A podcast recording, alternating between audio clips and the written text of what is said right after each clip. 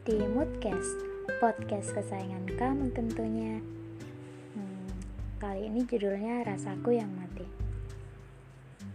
Hatinya memang terluka, jiwanya kusut, namun raganya menolak luka itu. Ia tahu betul bagaimana menghadapi dirinya dengan patah hati tak menyurutkan seluruh aktivitasnya. Ada hal yang lebih penting daripada memikirkan yang sudah lalu. Seperti hari biasa, ia pergi ke sekolah. Bedanya, hari ini matanya tampak sembab, tidak sebening dan secerah kemarin. Tampak kusut setelah semalaman membuang diri untuk hanyut dalam keterlukaan. Seragam lengkap dengan rok biru setinggi lutut membuat tubuh mungilnya semakin nampak sambil melihat dirinya dengan layar handphone. Tiba-tiba ia berhenti di gerbang sekolah. Lihat dirimu, Aura. Kamu tampak terlihat seperti mayat yang berjalan di atas bumi.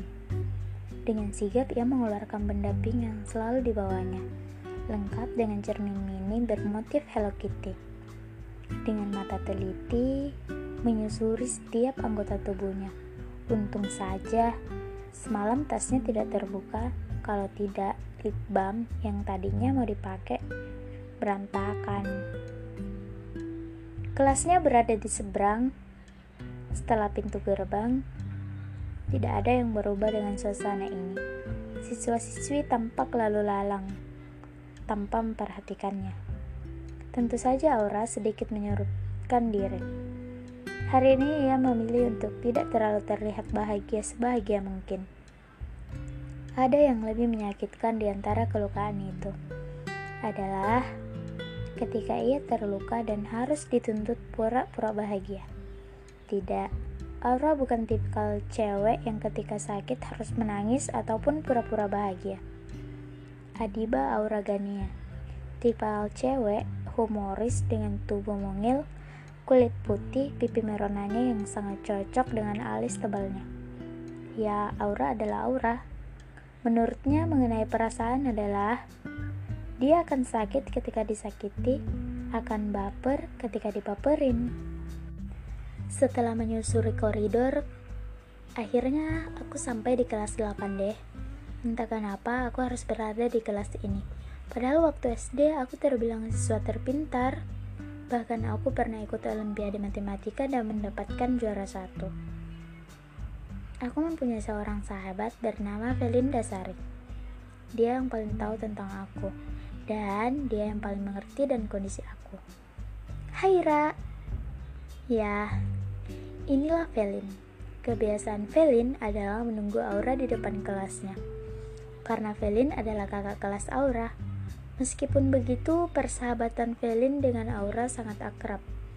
Sampai anak-anak di sekolah julukin mereka Upin Ipin. Felin anak kelas 9D. Felin juga perempuan tercantik di sekolah SMP Negeri Arwana. Hidung mancung dan mata coklatnya jadi sorotan laki-laki yang ada di sekolah itu. Hai Fel. Seperti biasa, Aura sudah siap dengan interogasi dari Felin. Ra, Sakit banget ya? Tanya Felin tanpa basa-basi dengan mengerutkan keningnya sambil memegang pipinya. Enggak kok, Vel. Aku juga udah lupain kok. Besok juga pasti udah lupa. Sambil melirik ke kanan kirinya. Ya, Aura mengatakan itu bukan untuk menjawab pertanyaan dari sahabatnya itu, melainkan untuk dirinya sendiri. Lo yang sabar ya, Ra sambil memeluk dan memenangkan aura. Dasar ya cowok itu. Lanjutnya sambil melepas pelukan dengan nada tegas.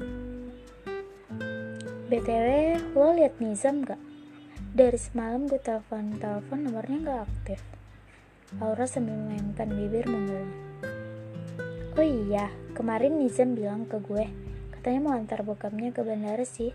Ada urusan di luar kota gitu balas Felin sambil lihat Aura.